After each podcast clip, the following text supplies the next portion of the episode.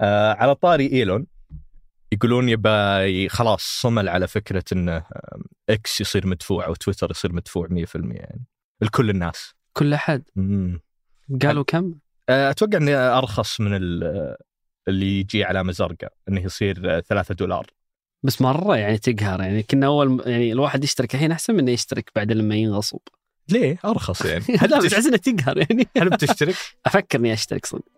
3 دولار يعني كم لا لا أشترك ابو أزرق ذا آه، إيه،. إيه. إذا دافع يا أخي صارت. تغريداتي ما تطلع تطلع 800 واحد بس أتوقع اللي ما يدفع آه، ما خلاص ما بيدخل؟ الحساب يتقفل يعني بس بس واجد ترى ثلاثة يعني أحس في كثير ناس بزاريين من وين اللي بيجيب ثلاثة دولار يعني. يعني ما أدري ليش حاطه في البزارين أنا ماني بدافع يعني.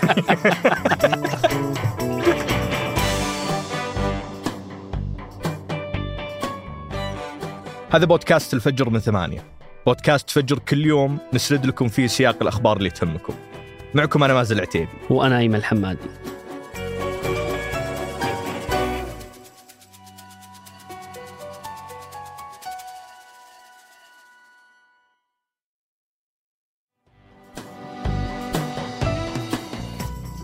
قبل سنتين قدر شاب أسترالي مشلول اسمه فيليب أوكيف إن ينشر أول تغريدة من بنات أفكار على الإنترنت عن طريق شريحة مزروعة في دماغه.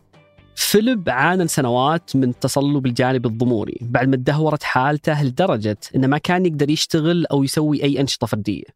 لهالسبب وافق فيليب في 2020 على زراعة شريحة دماغية اسمها Stentrode وهي شريحة مرتبطة بواجهة كمبيوتر دماغية طورتها شركة ناشئة للتكنولوجيا العصبية اسمها Synchron. وتم إدخال هذه الشريحة من خلال الوريد الوداجي في الرقبة حتى يتجنب إجراء عملية جراحية في الدماغ. ومن وقتها قدر أوكيف أن يتواصل مع أصدقائه وزملائه عبر البريد الإلكتروني.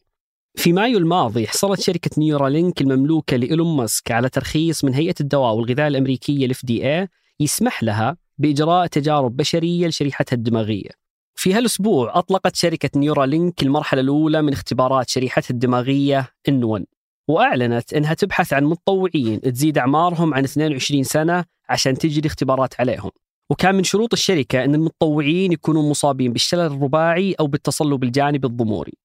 نيورالينك هي شركة تكنولوجيا عصبية أسسها إيلون ماسك في 2016 هدف الشركة هو بناء واجهة دماغية حاسوبية قابلة للزراعة وقادرة على ترجمة الأفكار إلى أفعال بعد تركيبها كشرايح في الأشخاص المستهدفين. وتقول الشركة أن هذا الجهاز العصبي يسمح للأشخاص المصابين بالشلل النصفي باستعادة الحركة وممكن أنها تساعد الأشخاص اللي ولدوا مكفوفين أنهم يستعيدون النظر. وتم تطوير واجهات على شكل سماعات ممكن أنها تربط بين الدماغ والحاسوب. ويساعد الجهاز على ربط الأدمغة البشرية مباشرة بأجهزة الكمبيوتر وتعطي التقنية القدرة على تسجيل وفك تشفير الإشارات العصبية ونقل المعلومات إلى الدماغ باستخدام التحفيز الكهربائي. حجم الشريحة هذه يساوي حجم عملة معدنية ويتم زراعتها جراحيا داخل الجمجمة من خلال روبوت لجراحة الأعصاب مصمم لهذا المشروع. الشركة تعتمد على تقنية تربط الأعصاب والمخ البشري بأجهزة الكمبيوتر هالشيء يصير عبر رقائق إلكترونية تزرع في قشرة الدماغ من خلال جهاز طبي متخصص. وتتواصل هذه الرقائق مع أجهزة الكمبيوتر والجوالات الذكية حتى تساعد على تحسين وظائف الدماغ البشرية والتحكم في بقية أعضاء الجسم. ويتم تثبيتها بواسطة روبوت تم إنشائه من خلال الشركة ويديره أحد الجراحين. ويتم تثبيت الشريحة بعد إجراء فتحة حجمها 2 ملم في جمجمة الشخص. طبعا هدف الشركة من المشروع هو أنها تقدم علاج متقدم للحالات المرضية المرتبطة بأمراض الجهاز العصبي المركزي للإنسان واللي ما لها أي علاج. مثل حالات الإصابة بالشلل وعلاج مجموعة واسعة من الاضطرابات العصبية.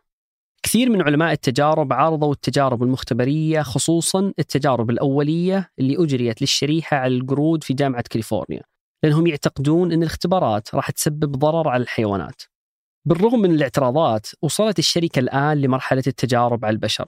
فراح تبدأ بزرع الرقائق الإلكترونية في أدمغة البشر خلال الأشهر الجاية. وتعتقد الشركة أن هالمشروع راح يكون تحول ثوري في قطاع الصحة. فهو ممكن يتنبأ ويحذر من حدوث النوبات القلبية والسكتات الدماغية قبل حدوثها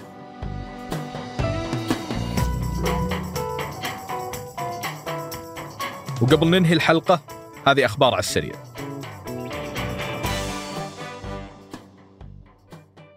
أعلنت الشركة العقارية السعودية عن حصول أحد شركاتها على عقود حزمة أعمال بنية تحتية ضمن مشروع القدية بقيمة 2.29 مليار ريال. والعقود اللي وقعتها شركة القدية للاستثمار مع الشركة العقارية السعودية بنية بالتحالف مع شركة Infra Road Contracting هي الإنشاء واختبار وتشغيل الطرق وشبكات المرافق والقنوات والجسور وباقي الخدمات العامة لمشروع القدية. ويعتبر مشروع القدية اللي يتم تنفيذه غرب الرياض هو أحد مشاريع التطوير الكبرى في السعودية. كشفت أمازون عن اتفاقها على استثمار 4 مليارات دولار في شركة Anthropic الناشئة في مجال الذكاء الاصطناعي. وقالت الشركة أن هذه الخطوة هي جزء من استراتيجية أمازون لمنافسة شركات كبرى مثل مايكروسوفت وميتا وجوجل ونفيديا في سوق الذكاء الاصطناعي. وتصنف هذه الصفقة في قطاع الذكاء الاصطناعي واحدة من أسرع الشركات الناشئة نمواً. وتدير Anthropic منصة دردشة ذكاء اصطناعي تشبه Bard من جوجل و ChatGPT من OpenAI وكذلك تسعى Anthropic لتطوير نموذج جديد يعرف ب Claude Next وهو يعتبر أقوى عشر مرات من أقوى نموذج ذكاء اصطناعي موجود حاليا. ورسميا تستعد السعودية لبناء أول محطة نووية للطاقة السلمية. بحسب تصريح الوزير الطاقة السعودي الأمير عبد العزيز بن سلمان خلال اجتماعات الوكالة الدولية للطاقة الذرية. وعلق أن المملكة تعمل على الاستفادة من الخبرات والخدمات الاستشارية اللي تقدمها وكالة الطاقة الذرية في مجال تطوير البنية التحتية والقدرات البشرية. وأشار أن مشروعات الطاقة النووية السلمية في السعودية راح تشمل بناء أول محطة طاقة نووية وتطوير القدرات البشرية في مجالات التأهب والاستجابة للطوارئ الإشعاعية والنووية وجوانب رقابية أخرى.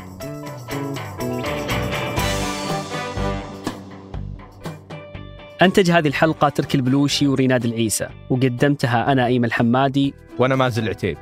وحررها محمود أبو ندى. نشوفكم بكرة الفجر.